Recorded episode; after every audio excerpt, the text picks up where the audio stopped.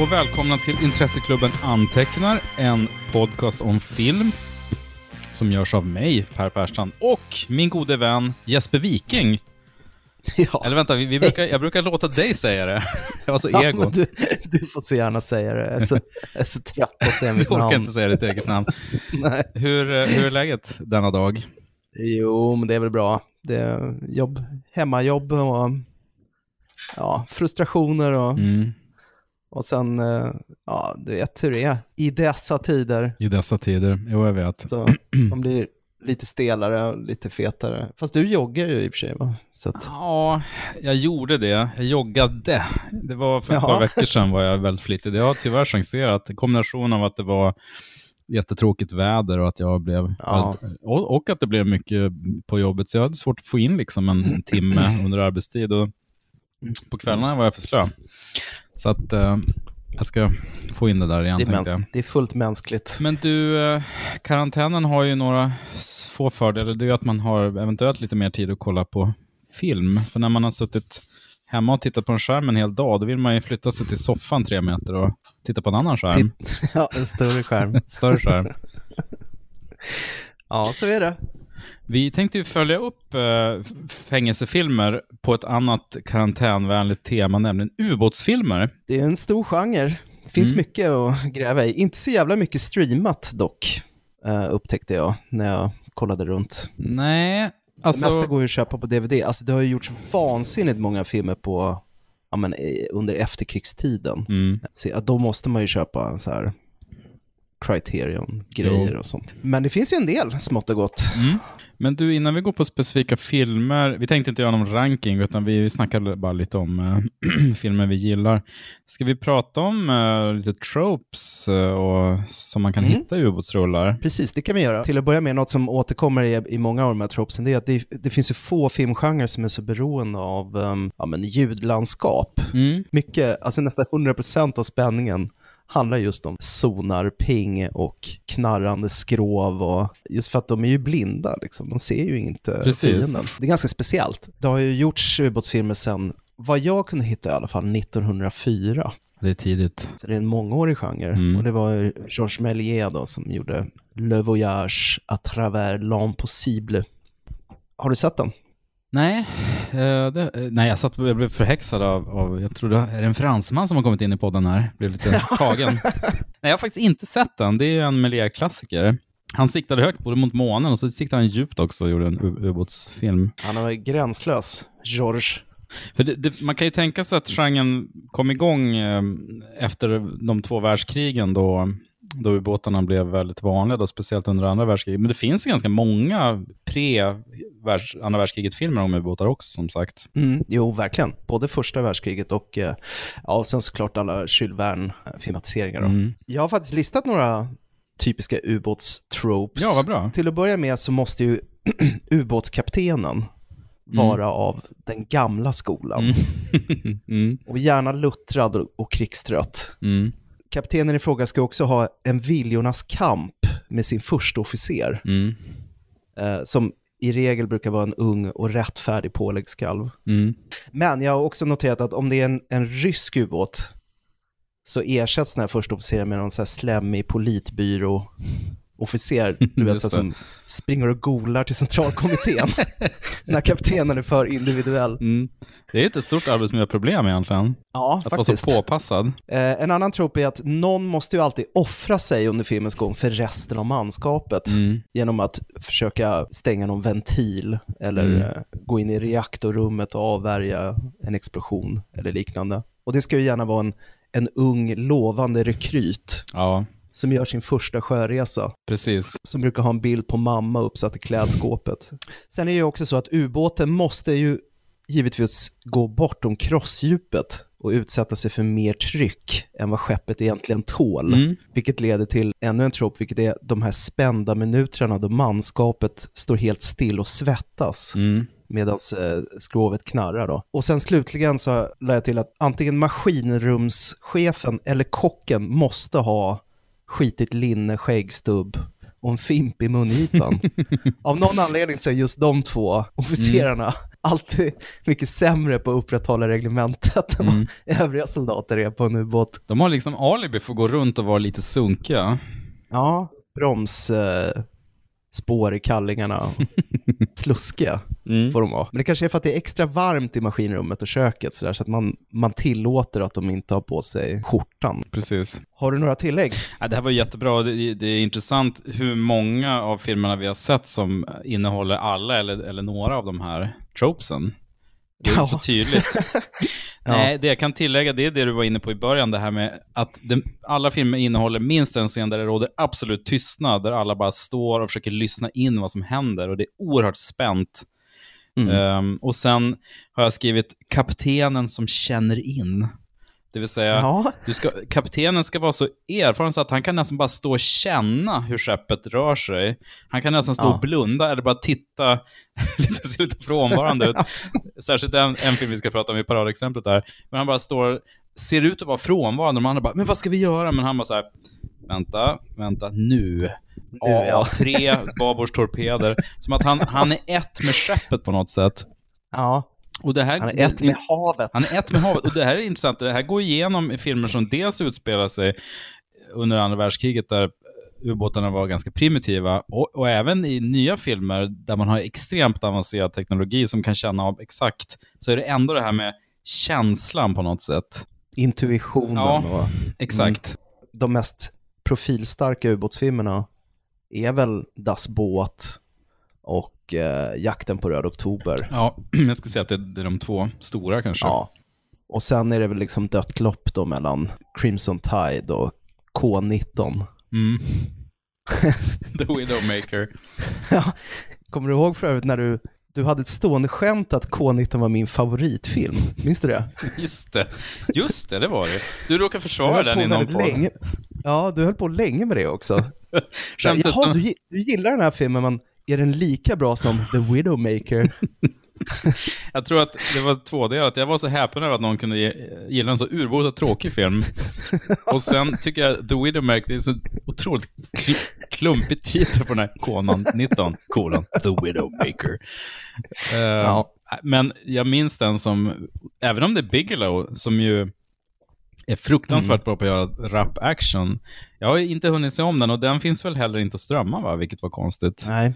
Eh, Så jag har Precis. inte kunnat se om den nu, men jag minns den som väldigt eh, lång och tråkig. Men jag hade säkert gillat den mer nu, inom ramen för alla de andra ubåtsfilmerna som, som både du och jag har sett senaste veckan. Mm. Vi har väl sa- sagt det redan nästan, att alla de här filmerna bleknar i skuggan av Das Båt. Mm, så är det ju. Men den har jag lite grann med flit faktiskt inte sett om, för att jag tycker inte jag behöver göra det. Den är så otroligt spännande och är liksom nästorn i den här genren och innehåller alla de här scenerna.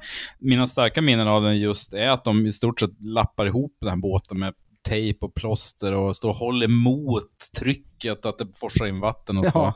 Och hur Ja. otroligt klaustrofobisk eh, den var. Men annars så, nej men jag tycker all, allt jag har sett nu har varit kul. Jag, jag tycker vi kan prata lite om eh, Crimson Tide, alltså Rött hav. Ja, Jag tror att vi. Tony Scott. Ja, men precis. När jag såg om den så... Nej, men eh, jag hade inte sett den sedan den kom och jag blev så... Jag fick en sån, sån förnyad pepp och kärlek till Tony Scott. Och jag vet inte hur många vi har sagt att vi borde göra en Tony Scott-podd. Nu har vi ju. Nosat på hans filmer i flera andra poddar, men det vore ändå kul att ha en, ha en rejäl genomgång. För det är ju eh, stilistiskt så, han, han går ju all in redan från början med regn och Now, Sir, we have a possibly submerged submarine. you find out who that is. Receiving emergency action message. Recommend alert one. The battle for survival begins. That's a message fragment. Sir, we don't know what this message means. Our target package could have changed. I've made a decision. There's no place for fear. He's lost his nerve. I'd rather go out myself and get this one wrong. There's no room for mistakes. If we launch and we're wrong, what's left of Russia is going to launch at us. I'm captain of this boat. I don't have to think this over. There's no time for doubt. The Missile systems ready to launch in six minutes. You repeat this order, or I'll find somebody who will. Hell no, you won't, sir. And nothing can stop the tide. Ett politiskt instabilt Ryssland resulterar i att den amerikanska ubåten USS Alabama bestyckad med kärnvapen skickas ut för en så kallad rutinberedskap. Ryska rebeller befaras ha kommit över kärnvapenbestyckade interkontinentala ballistiska robotar och utgör ett direkt hot mot USA. När meddelanden om högsta beredskap mottas på USS Alabama uppstår en mycket spänd stämning mellan de högsta befälen, sekonden Ron Hunter, spelad av Denzel Washington, och fartygschefen Frank Ramsey, som spelas av Gene Hackman. Stämningen blir än mer intensiv när de inser att det, det andra krigsavgörande meddelandet är ofullständigt.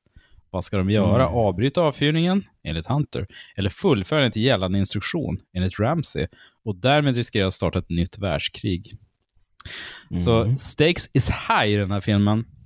Ja, verkligen. Och pre precis som du var inne på när det gäller tropesen så handlar det här om eh, uppkomlingen då, Denzel som är supersmart, har gått ut med högsta betyg från skolan men ha, egentligen inte har någon eh, krigsvana.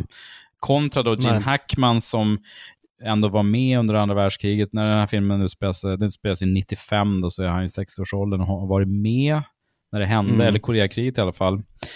Eh, och har eh, rutin, men är något av en eh, stridspitt då. Det handlar väldigt mycket om om man ska följa order eller inte. Han har ju mycket komplex också, mär- eh, förstår man ju, inför eh, att Denzel är så välutbildad. Ja. Jo, men han, han inser att han är, ja, men det, han är mot slutet av sin karriär något av en dinosaur i sammanhanget, som en sån här good old boy. Och så här kommer de nya då från, från skolan och är supersmarta. Så han känner sig hotad såklart av Denzel. Jag måste säga att jag, i likhet med det, jag, jag, jag såg den här och så kände jag, fan jag saknar Tony Scott. Mm. Det, var ju, det var ju synd att han um, ja, men klippte sin egen biljett. Mm. Ehm, och jag tycker aldrig han fick någon riktig cred. Liksom. Det Nej. är förmodligen för att han gjorde nästan enbart såna här uh, storbudget blockbuster-formatfilmer. Mm. Man ser ju ändå en röd tråd genom hans filmer. Han hade ju en sorts egen röst Mm. som var väldigt typiskt för honom. Så det är lite synd. Jag blev sugen på att se om flera av hans Ja, jag med. alster nu. Ja, men det, är ju, det är ju så, som alltid så är det otroligt snyggt ljusat och kan han piffa till en scen så gör han ju det. När de får sina orders i början som jag var inne på, då, då är de i ett mötesrum, det är jättemycket exposition, egentligen bara, alltså väldigt stor del av filmen är ju bara dialog, det är ju mycket av en, ett kammarspel. Men då regnar det ju, då spöregnar ju mot vindrutorna så det avtecknar sig liksom mot ansiktena på de här eh, befälen. Sen nere i båten är det mycket så grönt ljus och rött ljus och när de sitter och knackar på sina terminaler så är det, de här ma- matrisbokstäverna i grönt ligger ju s- avspeglas ju på ansiktena på ett Ja. extremt overkligt sätt. För det är som att de har en lampa rätt upp i ansiktet. Som att du, Ja. du, när du sitter vid din dator, då ser man bokstäverna på ditt face. Det är inte riktigt så, men det ser så jävla snyggt ut. Det är för övrigt ett, ett måste i en Tony Scott-film är att när den hoppar mellan um, locations så måste det dyka upp den här datafonten Ja, i övre vänstra hörnet. det är mycket datafont i, i rött hav. Ja. Det är jäkligt smarrigt faktiskt. som talar om var man befinner sig. Det är som du säger apropå Gene Hackman att alltså det är ju väldigt tydligt under filmens gång att, att det är tänkt att Denzel Washington ska vara hjälten Mm. eller den man som man eh, empatiserar med. Och det är lite synd. De har ju gjort det för att, genom att ge Gene Hackman en massa så här ofräscha knullskämt och Mm. slentrianrassiga kommentarer och sådär. Men samtidigt så, jag satt och såg den och kände så här, jag håller ju med Gene Hackman. Jag kände precis likadant. ja. Väldigt långt in i filmen, men han har ju rätt. Alltså, Ja. vi ska ju prata om en, en annan ubåtsfilm, fransk, som också verkligen handlar om Mm. befälsordning och hur hanterar man det här med att eh, man har fått orden att avfyra ett kärnvapen, då, då finns ett regelverk som gör att då ska man inte ifrågasätta det eller ta in information utifrån, för det, den kan ju vara eh, komprometterad då. Det kan vara fienden som skickar ut motbudskap och försöker lura en. ja, exakt. Så, alltså det Gene Hackman gör i hela filmen, det är, han, han följer ju regelverket. Tål inte då att någon uppkoppling ska komma och berätta för honom. Så att, komma och tolka regelverket. Nej, men exakt. ja. han har helt rätt så här, he, he, hela, nu, nu är det någon som inte ens gjort lumpen som säger det här, men hela, hela armén, he, hela, vad, ska man säga, konstruktionen går ut på att du har en befälsordning, du har en order och du, du lyder order liksom. Det är så systemet funkar.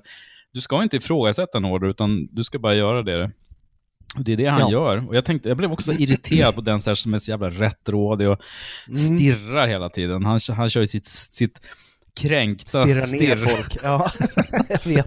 Det är så underbart när han, när Gene Hackman tar makten av honom och, och Viggo Mortensen och några till. Eh, Viggo var ju hans polare dessutom. Han går fram och bara stirrar på dem. Ger Viggo skamblicken. Och Viggo viker ner. Jag blir lite full i, fniss faktiskt. eh, Stirrar på sina, sina skor liksom. Mm, Ja. Flacka med blicken. För att eh, den Sätl, han, han är jättebra, men han är så himla kränkt. men han är också så här, den tar ju hela tiden the high road. Han, han håller, ju, håller sig kallsinnig medan Gene Hackman eh, tappar, han tappar det ju. Han losar det ju, bara hojta och skrika. Så att det, är- nej, det, det är ju mustigt skådespeleri. Det är det sannerligen. Och den är ju, den är ju rafflande, den är ju spännande. Jättespännande. Eh, utan att ett enda, alltså för det är ju, det är ju myteri kors och tillbaka, Mm. och kors och tvärs, ska jag säga, i, eh, på båten. Men det är ju aldrig ett skott som avfyras Ja, det är under sant. filmens gång. Nej. Eh, och samtidigt tycker jag det är så snyggt också att de, de håller sig på båten och låter det verkligen vara ett kammarspel. Mm. För det lyfter ju fram också så här hur, hur ensamma de är, utan någon som helst inblick i omvärlden. Mm, det är För jag jättebra. kan tänka mig en, en annan regissör, typ Michael Bay eller någon, han hade ju liksom klippt hela tiden till så här, den pågående konflikten i Ryssland Mm. och... Nej, det, vi får inte veta någonting och det, och det ökar ju på vår egen ovisshet. Vi, vi vet inte vad som händer utanför båten. Förutom lite i Mm. början, lite på slutet, vilket är, det blir jävligt tajt. Och eh, som, precis som du sa, eh, Jakten på Röd Oktober som vi ska prata om snart, där klämmer man ju ändå in en, en skottstrid som är ganska krystad och inte så jättespännande eh, eh, mot slutet. Eh, här Ja. har de ju, det, det känns lite coolare att bara hålla det till Mm. en viljornas kamp och en ordens kamp i, i eh, Mm. eh, Crimson Tide. Sen måste det ju nämnas, alltså, det, här var ju en, det här var en film som Tarantino fick komma in och göra lite okrediterade rewrites på för att hotta upp den lite. Manusdoktor. Ja, precis. Ja. När han hade blivit het. Och I backspegeln tycker jag några av de scenerna, dels inbillar jag mig att det är otroligt tydligt att se vilka scener det är. Sen tycker jag att de har inte åldrats superbra, de scenerna. Det är ju referens Nej. till silversurfaren och Ja. det, det är coolt, för i början när de sitter på bussen så snackar James Gunn och pratar ju, testar varandra i ubåtsfilmskunskap. Det, det tycker jag är en Mm. ganska cool scen och det är också så här, Mm. Det är rätt coolt att de här, det är inte helt osannolikt att de skulle vara ubåtsfilmnördar, de här eh, Nej, befälen. och de, har ju- tid, alltså, de hänger på kasernen och mm, har tid att se filmer liksom, när de inte är ute och mm. tjänst så att säga. Jag menar, du och jag ser ju Men- väldigt mycket filmer om andra podcastare när vi, när vi ses och sådär, bara för att hålla, det, hålla igång det, så att säga. Jo, Gud, vilket Men det- tråkigt skämt. Men det är ju lustigt, så här, det kanske är oerhört fördomsfullt av oss att tänka så här, ja men de här uh, ubåtssoldaterna, vad, alltså, de vet vi inte vad skillnaden på Jack Kirbys silversurfaren och, och Moebius silversurfare. Nej. Det kan ju vara så att de faktiskt är, läser serier precis som Jo, jo, men absolut. Men, jag, men jag det sticker ju att... ut så himla mycket i resten av dialogen så att man, Ja, men det gör det. För det, det, var- det är så apart, man märker att ja, men det är de här fyra scenerna liksom, som Tarantino var Mm. inne i. Och det är en scen där den här ska få ett, en man, det är han Lillo Brancato Jr tror han heter, han som var med i den här Skuggan av Bronx. Så, kommer du ihåg den? ja, Eh, absolut. De Niros regidebut kanske, eh, efter Mm. manus av, eh, ja det byggde ju på en, pjä, en standup-pjäs av, av eh, han polisen från de usual suspects, hamnar på en tangent här. Hur som helst, Chaz Palminteri. Chaz Palminteri. Det var länge sedan Mm. han var top of mind. Chaz, jag vet inte riktigt vad han håller på med. Mm. Hur som helst, då, då måste han ju plocka upp eh, Star Trek och, och liksom... Jag är Kirk och du är Scotty. Det är så, det är så vår relation ska... Då bara, då trillar polletten ner. Men det är intressant för han måste också säga så här, kommer du ihåg Star Trek? Du vet den här tv-serien. Vilket gör att filmen åldras lite, för nu är det ju så självklart med popkulturreferenser. Men Ja, 1995 var det inte det på samma sätt. Nej, det var inte det. Jag, jag, jag blev påminn om eh, inledningen på Unbreakable, är det va? Med den här lilla textskylten Ja, som pratar om så här, hur många serietidningar som säljs varje år Mm. och hur, hur många det är som faktiskt läser serietidningar. Känns också så här, Det- lite ja, det- märkligt i dagsläget. Nej, men, det, jag vet, det är lite föråldrat. Det enda som möjligen typ drog ner filmen lite för mig, det är ju det här extremt generiska Hans Zimmer-soundtracket Ja. som är så jävla aggressivt också. Ja. Det ligger ju på hela tiden. Mm, nej, inte hans bästa. Och sen är det ju bara generellt också en så här typiskt tidig, eller liksom en 90-talsrulle. Det är så jävla, det är så mycket manliga manliga män som beter Mm. sig manligt. Ja, men I, är det, i en är det ens... situation, så Ja, tung testosteronstämning. Ja, och som du var inne på, det är, det är lite så här snuskskämt som inte hade passerat PK-raden i år, som, som ändå är med. Det är kul med skådisgalleriet, för att förutom de vi har nämnt så, eh, James Gandolfini är ju med pre... Ja, jag, för, jag tror första gången jag såg Mm. honom var just i eh, True Romance av Tony Scott, så han återanvänder Ja, honom just det. här. Han, han är ju effektiv. Han är, ju han är, Han ju är så bra. Han är så bra. Han är så lysten, han- så sugen. Ja, ja, men just att han kan vara så här gemytlig och sen på en femåring vända till att bli skitläskig. Och, Mm. och, Det har ju Tony Soprano i, i ett nötskal. sen är det ju alltid kul att se George Zunza också, Ja, han är så bra. som uh, Gene Hackmans XO, hans första officer. Men bland det roligaste var ju han som spelar Radchenko, den här eh, separatisten som startar allting. Det är ju han Daniel von Bargen. Jag kommer ihåg honom framförallt Just från. Seinfeld. Han är Ja. Mr Kruger, Ja, Elaines chef. Constanzas, eh, ja, det är Constanzas chef Så är det. baseballlaget. Yankees är det väl han jobbar för. Mm. Ja, det är så bra. Ja, det är så himla bra. Han är ju jättebra skådespelare. Han, han gick ju bort för några år sedan, men det är så svårt att se honom som eh, tar honom på allvar. Nej, men det var väldigt kul att, att se om eh, Rött hav, som den heter. Han var ju jävligt flitig, Gene Hackman, på 90-talet. Han gjorde ju flera filmer per år, även Denzel. Sen så gick han ju i pension för några år sedan. Han är ju 90 bara i år och har inte gjort något sen. Han gjorde ju typ eh, Royal Tenenbaums och en eller två filmer till och sen gick han i pension. Vilket är Ja. fint om han vill det, men man saknar honom. Ska vi snacka lite om en, en liten överraskning Ja. för mig? Ja, men det tycker Den jag. här, eh, en fransk ubåtsfilm Mm. som heter Le Champ du Loup, The Wolf's Call Ja. från 2019. Hade aldrig hört talas om den här filmen. Nej, inte jag heller. Debutregissör också, som har skrivit filmen dessutom. Vad fan hette karln igen då? Han heter Antonin Baudry. Och Just det är det. lite imponerande för att han är alltså, han är diplomat, han är ingenjör, han har jobbat som kulturattaché, han har jobbat som talskrivare åt franska utrikesministern. Han har gjort en serie som blivit film. Och det här är alltså hans filmdebut som handlar om ubåtar är otroligt, eller framstår som otroligt insatt i alla mekanismer. Så att Ja. eh, han är en slags geni den här Antonin. Jag är lite impad faktiskt. En renässansman. Ja. Faktiskt. Ja, Ja, jag blev väldigt så här, tagen av den. Alltså, in, i, inte bara rent produktionsvärdemässigt, den var ju verkligen imponerande, Mm. liksom rent visuellt. Ja, det var en jätterolig Men- överraskning. Ja, men sen var det ju också en väldigt kul twist i The Wolf's Call, det vill säga att hjälten, eller protagonisten, är ju en sån här sonartekniker. Sån här som sitter med hörlurar och, och lyssnar av eh, ja, men vattnet. Eller Das. Boot möter blowout, har jag skrivit i mina anteckningar. Det är pitchen. Ja, ja det, är jätte, det är jättebra hisspitch. Mm. Ja, men, eh, han är här, någon sorts så här ljudsavant som är så här, fantastiskt bra på att identifiera Mm. eh, ja, men, akustiska signaturer då. Och, och, och liksom kunna konstatera att ja, men det där är en jagare, det där är en trålare och så vidare. Och så vidare. Och jag har liksom aldrig sett den vinklingen förut. Man brukar ju lägga fokus på just kaptenen och här är det liksom en, en kugge i maskineriet så att säga som blir huvudpersonen. Eh, Men vilket exakt, alla andra, i stort sett alla andra filmer så är det verkligen kaptenen, det är typ andra Ja. styrman som, och resten är bara underhuggare som gör vad de ska göra. Ropar order. Mm. Han var dessutom bra den där uh, huvudrollsinnehavaren. François Civil Ehm, just det. heter han. Ja, ung, snygg. Och det är roligt att han, Han såg ut som James i uh, Twin Peaks. faktiskt, Motorcykelkillen. det var bågen som fattas bara.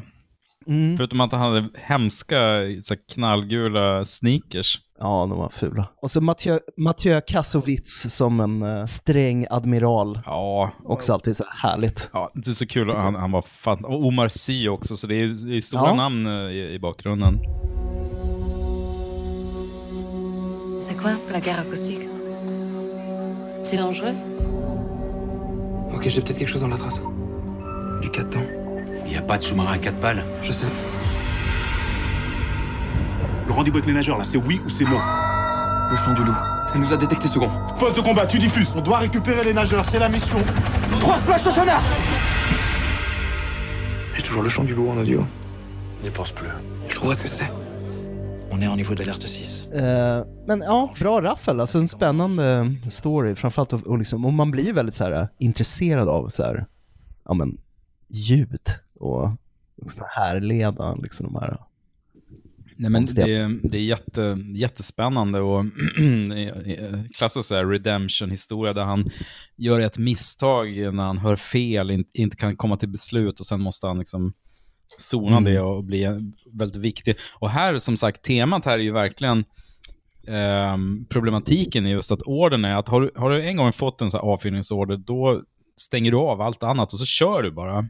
Så det är nästan Mm. i stort sett omöjligt att stoppa eh, ubåten som fått den ordern Ja, från att precis. starta kriget. Och även om det skulle visa sig att det bara var ett misstag eh, och att man kan starta tredje världskriget. Så det är lite samma tema som eh, Crimson Tide. Jag, jag tyckte den var kalas. Mm. Men varm Ehm. rekommendation.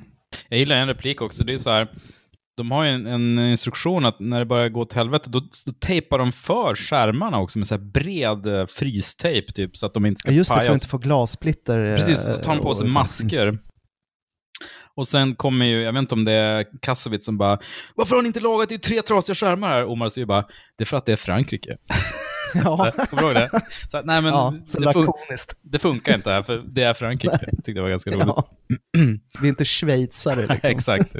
Vi är lite mer eh, vi är lite chill här. Nej, men eh, som sagt, jävligt eh, bra film som var en otroligt kul överraskning. Så att, det, är bara, det är bara att gå in på Netflix och se den. Men du, ska vi snacka lite om Jakten på röd oktober nu när vi ändå har eh, snackat lite, när vi har Mm, ja. börjat? Alltså, Det vi har vi ju göra. pratat om den här filmen förut i vår eh, John McTiernan-podd. Mm. Nummer 17 var det. Oj, du var ju så var det så Mm. kreativ. ja, det var ett tag sedan. Du, du var ju så kreativ när du dö, döpte de här gamla poddarna, så jag hittar ju ingenting längre. Jag fattar ingenting. Mad Max, har vi pratat om den? eh, Max Cader då i KP. Nej, det, Ja, det är ja. bra faktiskt. Men jag, jag har faktiskt inte lyssnat på det igen. Men Nej, inte jag heller. jag kan bara säga att det var väldigt kul att se om Hunt for Red October. Jag tyckte den var ännu bättre den här gången. Ja, Mycket för att det är så jävla bra skådisar, det är så bra spel. Det här är också verkligen ett kammarspel. Och som sagt, förutom en liten lapsus mot slutet så är det ju otroligt lite direkt action, utan det är också så här bara, ja men, handlar ju mycket om att Jack Ryan ska bevisa sig då, att han faktiskt kan någonting, fast han är en spoling direkt från, eh, eh, vad heter det, West Point, som kommer in där, ska bevisa sig. jag kan nästan inte bedöma jakten på röd oktober längre. För Nej. att jag har sett den så många gånger och, och det är som att ta på sig en så här, du vet, sliten gammal favorit-t-shirt. Mm. Riktig comfort food-rulle. Ja. Ja. så den är så här mjuk och skön. Det är mer nästan som snuttefilt kanske, än, en, Mm. än en film man kan objektivt betrakta. Nej, men du har helt rätt. Vi, vi behöver inte prata jättelänge om det. Jag tror många som lyssnar har också den här som en, en kär favorit. Jag kan nämna några grejer som jag inte riktigt minns om, om jag tog upp, eller om vi tog upp i, i McTiernan-podden. Men dels, jag bara tänkte på en scen med Jeffrey Jones. Eh, han är ju, hans karriär är ju ganska död eftersom han höll på med, var det barnporr eller? Ja, det var några minderårig grej. Ja, det var något sånt. såklart. Han har ju ett lösdrägg som inte ser superrealistiskt ut, men det, det, han har ju typ två eller tre scener och han spelar en sån här arkivgubbe som bara, de bara går till för att hitta information. Ja, då när han, när han har dialogen med Jack Ryan, äh, Alec Baldwin, då, då sitter han ju med, kommer du ihåg att han sitter med benet uppe på en arkivlåda? Så här, så loj tillbaka lutad, han har benet på en låda på ett sätt som ser jättekonstigt ut på ett sätt. Men på ett annat sätt så det, det är precis så en, en snubbe som jobbar i ett arkiv skulle sitta. Du vet, alla har ju sina quirks, man, man, man har bott in sig på jobbet. Så bara, nej men, jag, jag har kanske lite ont i benet, så jag lägger upp benet på den här arkivlådan, eller utdragslådan. Ja, Bara en sån liten detalj som liksom, jag vet inte vems idé det var, men du vet att man kan... Vi, vi pratar ju ibland i podden om det här med världsbyggande, att det finns små, små detaljer som kan göra att man känner att det finns en hel värld bakom. Mm. Som, som i Flykten från New York när, vad heter han, Lee Van Cleef läser upp Snakes eh, CV han bara, ja men du slogs ju i inbördeskriget i, vad är det, Sibirien eller? Ja, Leningrad och... Ja, ja precis. The Battle of, är det The Battle of Leningrad eller? Ja, jag tror det. Här borde man kunna, här borde jag kunna. Det här klipper jag bort om vi Ja. har fel. du får göra det. Men Ja. det bara så här, och då öppnas det upp så oh shit, det har alltså varit krig där och han var med där. Alltså du vet så här små grejer som gör att man bara ser, det, det, är, så, det är så snyggt uh, världsbyggande. Bara en sån grej som gör att det känns realistiskt. Och vad som annars skulle vara en ganska tråkig exposition-scen blir levande bara för att Jeffrey Jones lägger upp benet på den arkivlådan. Det är fint. Den, det- en annan grej jag tänkte säga, det är ju fotot av vår vän Jan de Bont. Mm. Han har ju en djävulsk utmaning. Dels är det ju i en, eh, ubåt förstås, som har sina begränsningar. Och sen, Mm. allt som inte är ubåten är egentligen bara kontors... Det är kontor där de sitter och pratar. Män i uniform sitter och pratar med varandra. Då har han jobbar han jättemycket med att sätta kameran superlågt, så att han ligger liksom i höjd med golvet nästan, eller en meter ovanför golvet och bara glider fram och tillbaka. Det är mycket så här panoreringar fram och tillbaka. Så i en scen så ligger han så här, nästan bakom en telefon så man knappt ser vad som händer. Mm. Det är jättesnyggt alltså, och det, det blir levande. Det är bra regi och bra skådisar, liksom bra dialog också som hjälper till, men eh, jag tyckte hans foto var snyggt. Sen när han väl får vara i båten, då går han ju bananer, precis som Tony Scott gjorde med grönt ljus och mycket tiltad kamera och alltså, mm. grovt perspektiv och grejer. Så att, eh, det var... Smart. Ja, han... eh, Ja, nej, men så det, var, det var kul att se om uh, Jakten på röda Och där är också den, mm, alltså Sean Connery är ju den här allvetande kaptenen som bara står och tänker och känner och har koll på läget. Ja, precis. Det jag tyckte var kul med den, det var ju, det här kanske vi sa redan i avsnitt 17, men Sam Neill är så otroligt bra som hans eh, Ja, hans sekond. sekond, ja precis. Du, apropå Jack Ryan, vilken um, skådis tycker du är den bästa Jack Ryan då? Är det, är det Alec eller är det Harrison Ford eller är det John Krasinski? Vad har vi mer? Chris Ja, vi- Pine. Chris har. Pine har vi, så har vi Ben Affleck i, eh, Ben Affleck också, ja. mm, i den här eh, The Summer War Fears. Så. Mm. Ja, Svårt. det är Jag svårt. tycker nog, ändå, tycker nog ändå Alec. Alltså, han är ju... Mm. Man kanske inte köper honom riktigt som en timid analytiker, men... Nej, men Ja. alltså, jag tror jag är, eftersom både Patrioter och, eh, vad heter den, Clear and Present Danger kom i mina formativa år, så, så kommer han alltid ligga varmt om hjärtat. Men egentligen är ju, är ju Alec Baldwin bättre, för att han, har, han är så ivrig, han har ivern att bevisa grejer och visa sig på, ja men han, han brinner ju, han är ju en nörd, men när han, när han kommer fram så ska han hela tiden säga, men så här är det, så här är det, och ingen tror på honom. Medan som jag minns Patrioter och, och Clear and Present Danger var att då var ju Harrison Ford mer så här, han var inne i actionhjälte-mode. Svårt att se Harrison Ford som en nörd, han är en sån given, solid eh, axel att luta sig på. Ja, Så jag kanske får, eh, jag kanske håller med att, eh, och även Krasinski, nu såg jag bara fyra, fem avsnitt av, Jack Ryan på Amazon. Han, han gjorde det bra, han, han hittade den här mixen mellan att vara lite bortkommen och ändå vara, men kunna hålla i en bössa när det gällde. Nej, men jag, jag kanske också är lite svag för Alec där. Chris Pine-filmerna har jag förträngt. men du, vad har vi mera sett? Vi kan snacka lite om en ganska seg ubåtsrulle från 1968 som heter Ice Station Zebra. Ja, Vad tror du om det? om den alltså, ja. Ja, nej men jag har inte sett den, jag var tvungen att se den. Ja. ja. Men den var ju vanvettigt seg tyckte jag. Beneath the waters of the North Atlantic, the American nuclear submarine Tigerfish 3 begins its voyage to the Arctic camp. Their destination? A secret outpost at the top of the world. Ice Station Zebra. Take her up.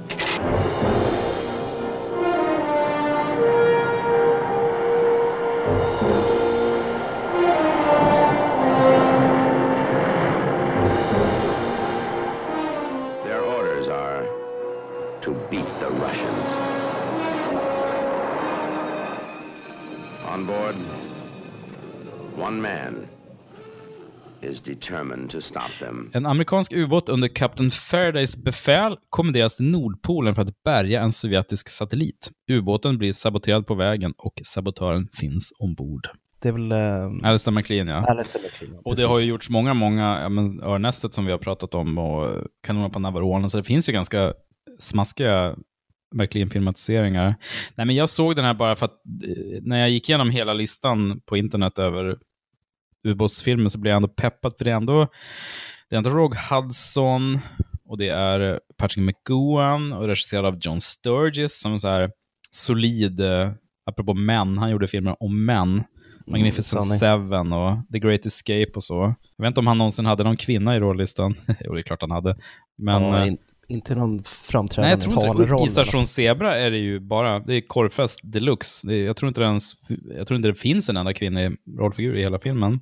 Nej. Det är ju Rock Hudson som spelar den här Faraday. jag läste någonstans att han, han har gjort lite så komedi han hade gjort lite, flera floppar på raken och nu vill han göra lite så mer mustig så här actionfilm för att få fasa ihop sin karriär igen. Det intressanta är att jag gillar ju verkligen honom, men i den här filmen är han otroligt um, han är lite avslagen. Han, han, ser lite besvärd ut och oinspirerad, helt enkelt. Mm, mm. Det kompenseras lite av att Patrick McGowan eh, är så jävla på. Eh, vi prat, han var ju fängelsechefen i Escape from Alcatraz som vi pratade om i förra podden. Och här Mm. gör han ju ännu ett iskallt porträtt. Han är ju han är svinbra. Och dynamiken i filmen, lite grann irritationen mellan Rock Hudson som är kapten på ubåten och eh, McGowan som är britt och kommer in och han har ju hemliga order som, han inte får berätta då för Rock Hudson. Så det finns en irritation där. Men det går aldrig längre att Rock Hudson är milt irriterad och småsur. Så det slår inte gnister som han hade hoppats på. Nej. Nej, men det här var ju det här var en hela aftonsfilm. Filmen var 70 mm, den är två och en halv timme lång. Eh, Absolut, kunde absolut klippts ner med en, en halvtimme. Den har ju så här ouvertyr eh, med så här otroligt pampig musik av Michel Legrand, han som gjorde Fricka från Rochefort och sådär. Och sen har den ju paus i mitten också. Så att det var ju, när, när jag Ja. gick på bio var det så ett, en eventrulle. Mm. Men i backspegeln skulle man ju kunna se den som exempel på liksom när, ja men du vet, här gamla dödsryckningar av gamla Hollywood innan nya Hollywood kom och 70-talsfilmen kom.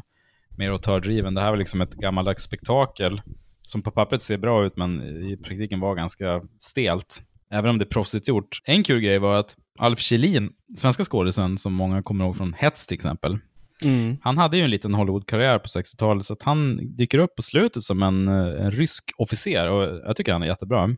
Så det blir liksom en, de står i ett, eh, de står på isen där det är så uppenbart att allting är uppbyggt av papier-maché. Det är otroligt mycket studiokänsla, men de har liksom en, eh, Konfettisnön. ja, jo men absolut. Så att, jag vet inte riktigt, om man är eh, så Patrick McGowan-fan så kan det vara värd att se för att få se hans eh, ganska energirika rolltolkning. Annars var det här ganska, ja men lite sömnpiller tyvärr, måste jag säga.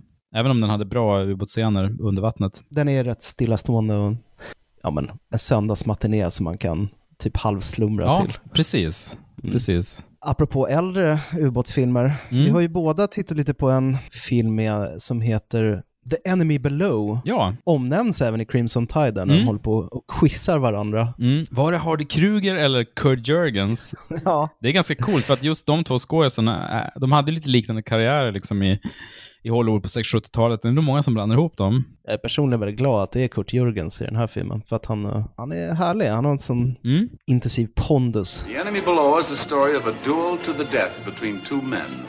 The captain of a destroyer, played by Robert Mitchum, and the submarine commander, played by the great continental star, Kurt Jurgens. Here is the incredible drama they lived as they played the deadliest game of all, with the depth charges, streaking torpedoes, and 233 fighting men tracking, stalking, hunting each other through a thousand miles of exploding ocean. Under brinnande världskrig möter en amerikansk jagare en tysk ubåt mitt i Atlanten. Kaptenen på USS Haynes kommer från handelsflottan, men visar sig vara skickligare än manskapet befarat. Den tyske befälhavaren kämpade redan i första världskriget och har inga illusioner kvar. De båda kaptenerna tar till alla trick för att sänka varandras fartyg. Solid efterkrigstidsmatiné Mm. från 57 tror jag va? Mm. Regisserad av Dick Powell, skådespelaren. Eh, Jag visste inte att han regisserade filmer också, men eh, det var lite skoj.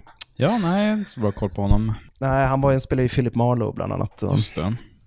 Alltså väldigt trevlig prick. Jag tror han typ torskade huvudrollen i Double Indemnity till uh, McMurray. Mm. Lite samma typ av Ja. skådespelare.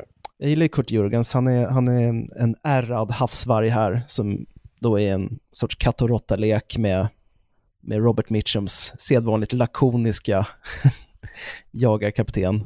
Jo, det reses ju tvivel på amerikanska båten om så här, är han en lämplig kapten? För att han är en slags landkrabba, va? Ja, eller han är en, en civil Så är det. skeppare, Mm. så att eh, de, de litar inte på hans militära förmåga.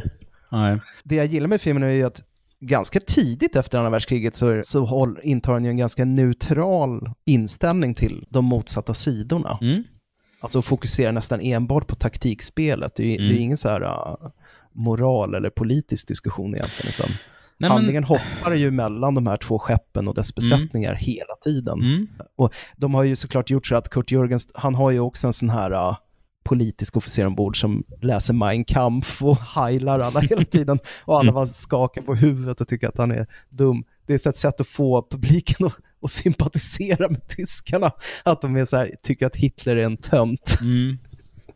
Jo, Men det känns att- lite kry- krystat kanske. Ja, men jag menar, den förekommer ju, Das Boot till exempel, i att ge just så här, de tyska soldaterna en sorts en mänsklighet. Mm. Jo, men precis. Även om de fortfarande speak uh, German with an English accent, eller Mm. tvärtom kanske, så, så är det ganska nyanserat. Och det är ju jättefin scen ganska tidigt i filmen när ja, men båda kaptenerna ges ju sitt utrymme att liksom förklara sina bevekelsegrunder. Och han, han har ju en lång monolog, Kurt Jörgen, som hur det var bättre förr. Och, Uh, liksom, han, han, tar ju, han tar ju lite avstånd, alltså han säger inte rent ut, men som du säger, han tar ju avstånd från Hitler. Liksom. Han, är mer, han vill mer försvara Tyskland.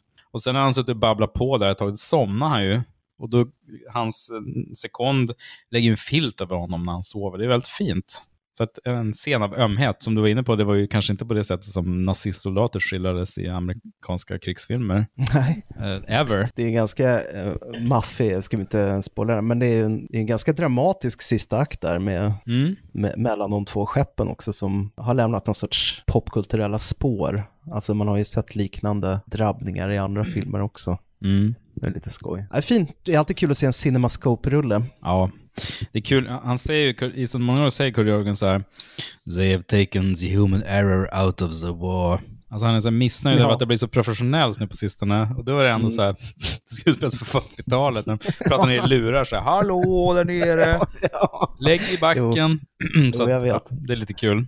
Han saknar det här när man, från första världskriget när man så sköt från höften och bara typ killgissade lite vad folk var. Så bara avfyra torpeder Mm, på det hållet. Så Mm. får vi se vad som händer.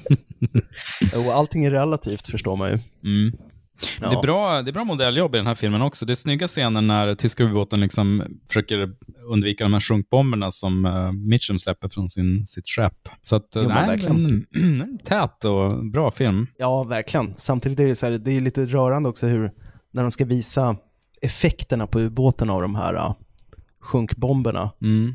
Det, det är ju lite så här, um, ja men som så här, kanske tidig, just Star Trek, du vet, när skeppet skakar. Mm. Så Jo, förstår man precis. att de, de skakar kameran och så står alla och svajar lite grann.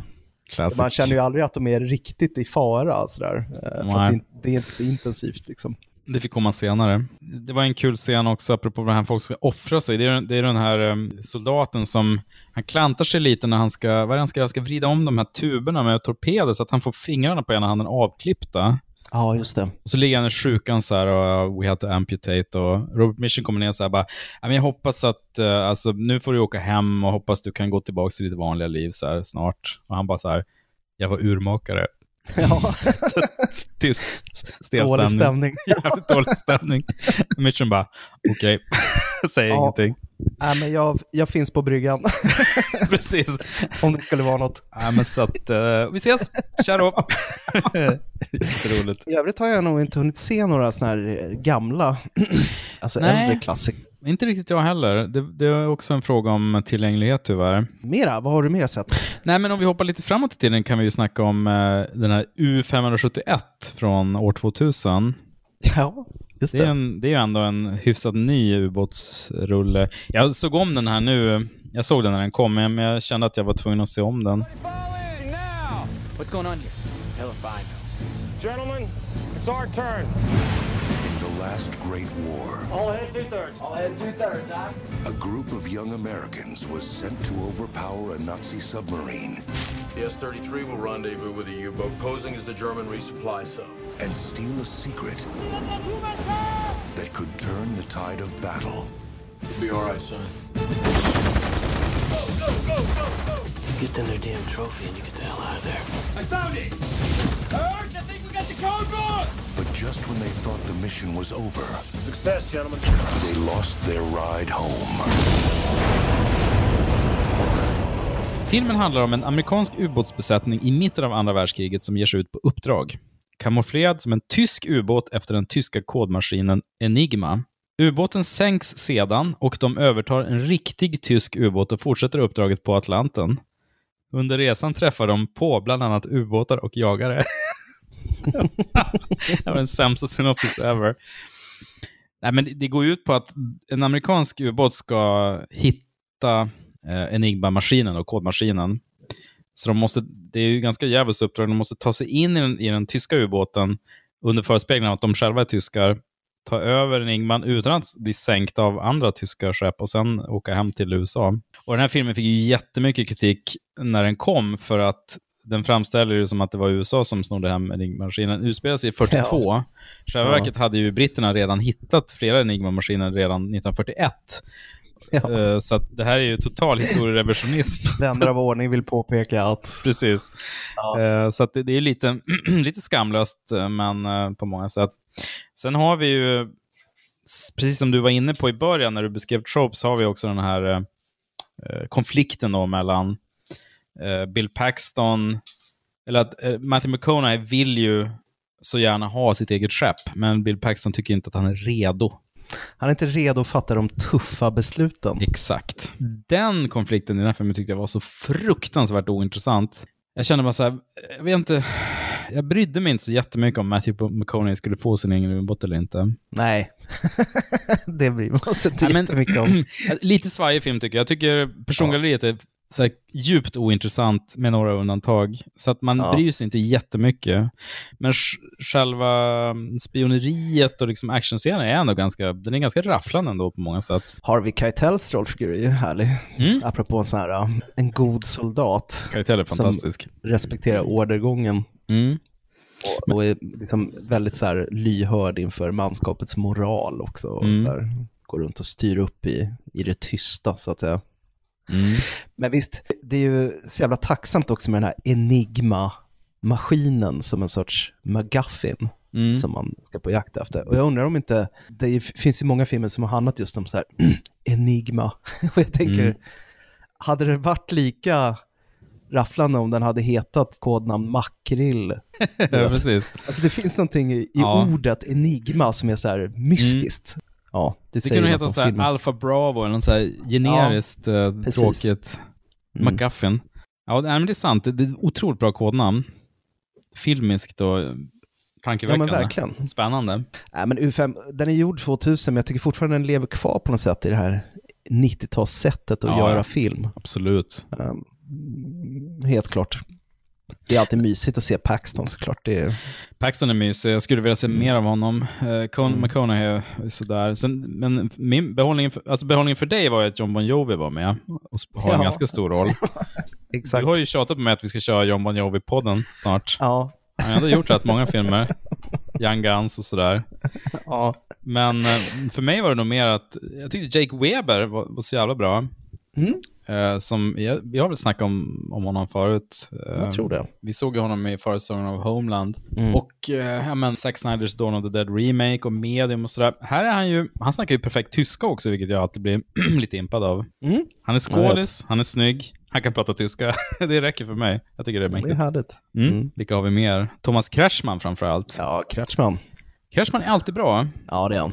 Det här är också en bra film så tillvida att de, tyskarna pratar tyska eh, och inte bara engelska with a German accent. Jag tänkte säga att han kanske inte var kalas i Dracula 3D, men... men han gjorde nog vad han kunde, faktiskt. Det är inte som att hans Nej, inte hans tolkning var jättedålig, utan ja, han drogs ner av skeppet. Nej, men Thomas Kretschmann är ju alltid bra. Det är ju lite tråkigt att han ska vara tvungen att spela liksom, tysk nazist för att breaka i Hollywood, men han gjorde ju det väldigt bra i Piano till exempel och eh, lite andra Ja. filmer också. Men han är alltid, han är alltid bra. När vi ändå är på 2000-talet, jag passade på att se om en film som jag sett tidigare som heter Below, kom 2002. Ja, just det, den har inte David- jag sett. David Toohey som Mm. regisserade som, jag vet inte vad är han mest känd för, Riddick-filmerna skulle jag tro. Mm. Och så har han ju även gjort kultklassikern The Arrival, Alien Invasion-filmen med Charlie Sheen, som är väldigt charmig faktiskt. Alltså så här vetenskapligt helt absurd, så här dumb science verkligen, men eh, vä- väldigt rolig. Det kan man köpa. Nej men Below är liksom, den går ju tyvärr inte att streama, men ehm, ganska hyfsad. Så här. Det är en Mm. spökhistoria i um, ubåtsmiljö. Mm. Genre-mix. Jo, men precis. Som, eh, men, som så här creepy. Det är en slow burn, vet, så långsam stämning, vet, otäck. Bruce Greenwood i en av huvudrollerna. Han är alltid som, bra. Ja, han är en bra sån här eh, that guy-kille som, jag vet inte vad som man, det var Gerald's Game man såg honom i senast. Jo, men det var senast. Ja, vi har ju pratat lite om honom tidigare. Han är alltid tacksam att titta på. Olivia Williams är med också. The submarine isn't a good place to keep secrets. Their senses betray them. I'm telling you, there's some bad hoodoo on this boat. Their minds deceive them. You okay? Their fear surrounds them. Just how much longer can we not say what we're all thinking? I don't believe we're alone down here. Both our periscopes are down, our sonar is gone, we are blind and nearly deaf. They were trained to fight the enemy above, Emergency dive! Dive! Dive! but nothing could prepare them We're on a runaway boat, fellas. for the terror below. This boat is cursed. Det är ett manus av Darren Aronofsky tyvärr som gör den kanske bitvis lite, jag ska inte säga pretentiös, men lite, lite så här pompös. Han Va? har ju de dragen Aronofsky. Vänta, sa du pretentiös och där Aronofsky i samma mening? Nu, nu förstår jag ingenting. Hur menar du? Otippat, eller Ja, hur? Extremt otippad. Ja, men, men när jag kollar rollistan så jag ser jag att Holt McCallany är med, som är så Ja. otroligt bra i Mindhunter. Mm. Har han en stor roll här? Jag har inte sett den här filmen tyvärr. Ja, alltså det är ju en ensemblefilm så att alla har väl mer eller mindre lika mycket screen Mm. time faktiskt. Jason Fleming försöker sig på någon sorts Brooklyn-dialekt. Ja, det, är- inte hundra. Men, ja, men som sagt, jag är svag för spökesfilmer och, och Mm. utspelar de sig i en, i en ubåt så är det en win-win. Det bästa från två världar. Mhm. Nej, så om man ser den eh, i fyndhyllan i någon DVD-butik tycker jag absolut man ska slå till. Liksom. Det, är Mm. ingen, det är inget mirakel, men den är habil. Men det här är en sån film som, jag tror jag har haft, liksom, läst om den och tänkt "Åh, den här vill jag verkligen se, men den, det är en sån här film som, den går aldrig på tv, finns typ inte att strömma, alltså en sån här film som bara finns under Mm. radarn eller under, under um, ekolodet på något tråkigt sätt. Ja, men du, det var härligt i alla fall att se en massa ubåtsfilmer. Ja, men det finns det. en trygghet i det. Man trivs ju liksom där i sardinburken Mm. på något sätt. Komma Jo. nära alla skådisar. Precis. Porer. Porer och svett och grönt ljus. Unga män vid terminaler som har panik. En grej som slog mig, både i U571 och, jag minns inte vilken annan film det var, kanske den här uh, Enemy Below, var respektlösa manskapet var. De började säga emot sina officerare. Framförallt U571, där folk säger så där kan du inte göra. Får de ju en fet smäll av Matthew McConaughey också, men så här, du är väl satt där för att lyda order. Ja. Jag menar att manskapet, det amerikanska då givetvis, tyskarna är ju så supereffektiva och rädda, men att de är så respektlösa. Det tror jag inte är särskilt realistiskt. Nej. En annan trope som vi inte snackar om, men det, det tänker jag kanske Courtney B. Vance i um, Hunt for Red October som får symbolisera den här lite sköna killen Mm. eh, i en amerikansk film som utspelar sig i militären som har, ja, men, kanske lyssnar på musik eller tuggar tuggummi eller har någon slags gimmick och är lite så här, Mm. Tjena hej eller åker uh, rull, rullbräde, skateboard som det heter. Men ändå är supersmart och skillad. Ja. Eh, när hans motsvarighet i ett ryskt eller tyskt sammanhang skulle vara någon sån här robot. Men det är väl det här att tack vare att man besitter en särskild förmåga så Ja. ges man lite lösa tyglar. Ja, men exakt. Men det var lite så här takeaway för mig när jag såg om Hunt for Red October. Jag hade faktiskt glömt bort Courtney B. Vance, för att han har en ganska viktig roll i den filmen.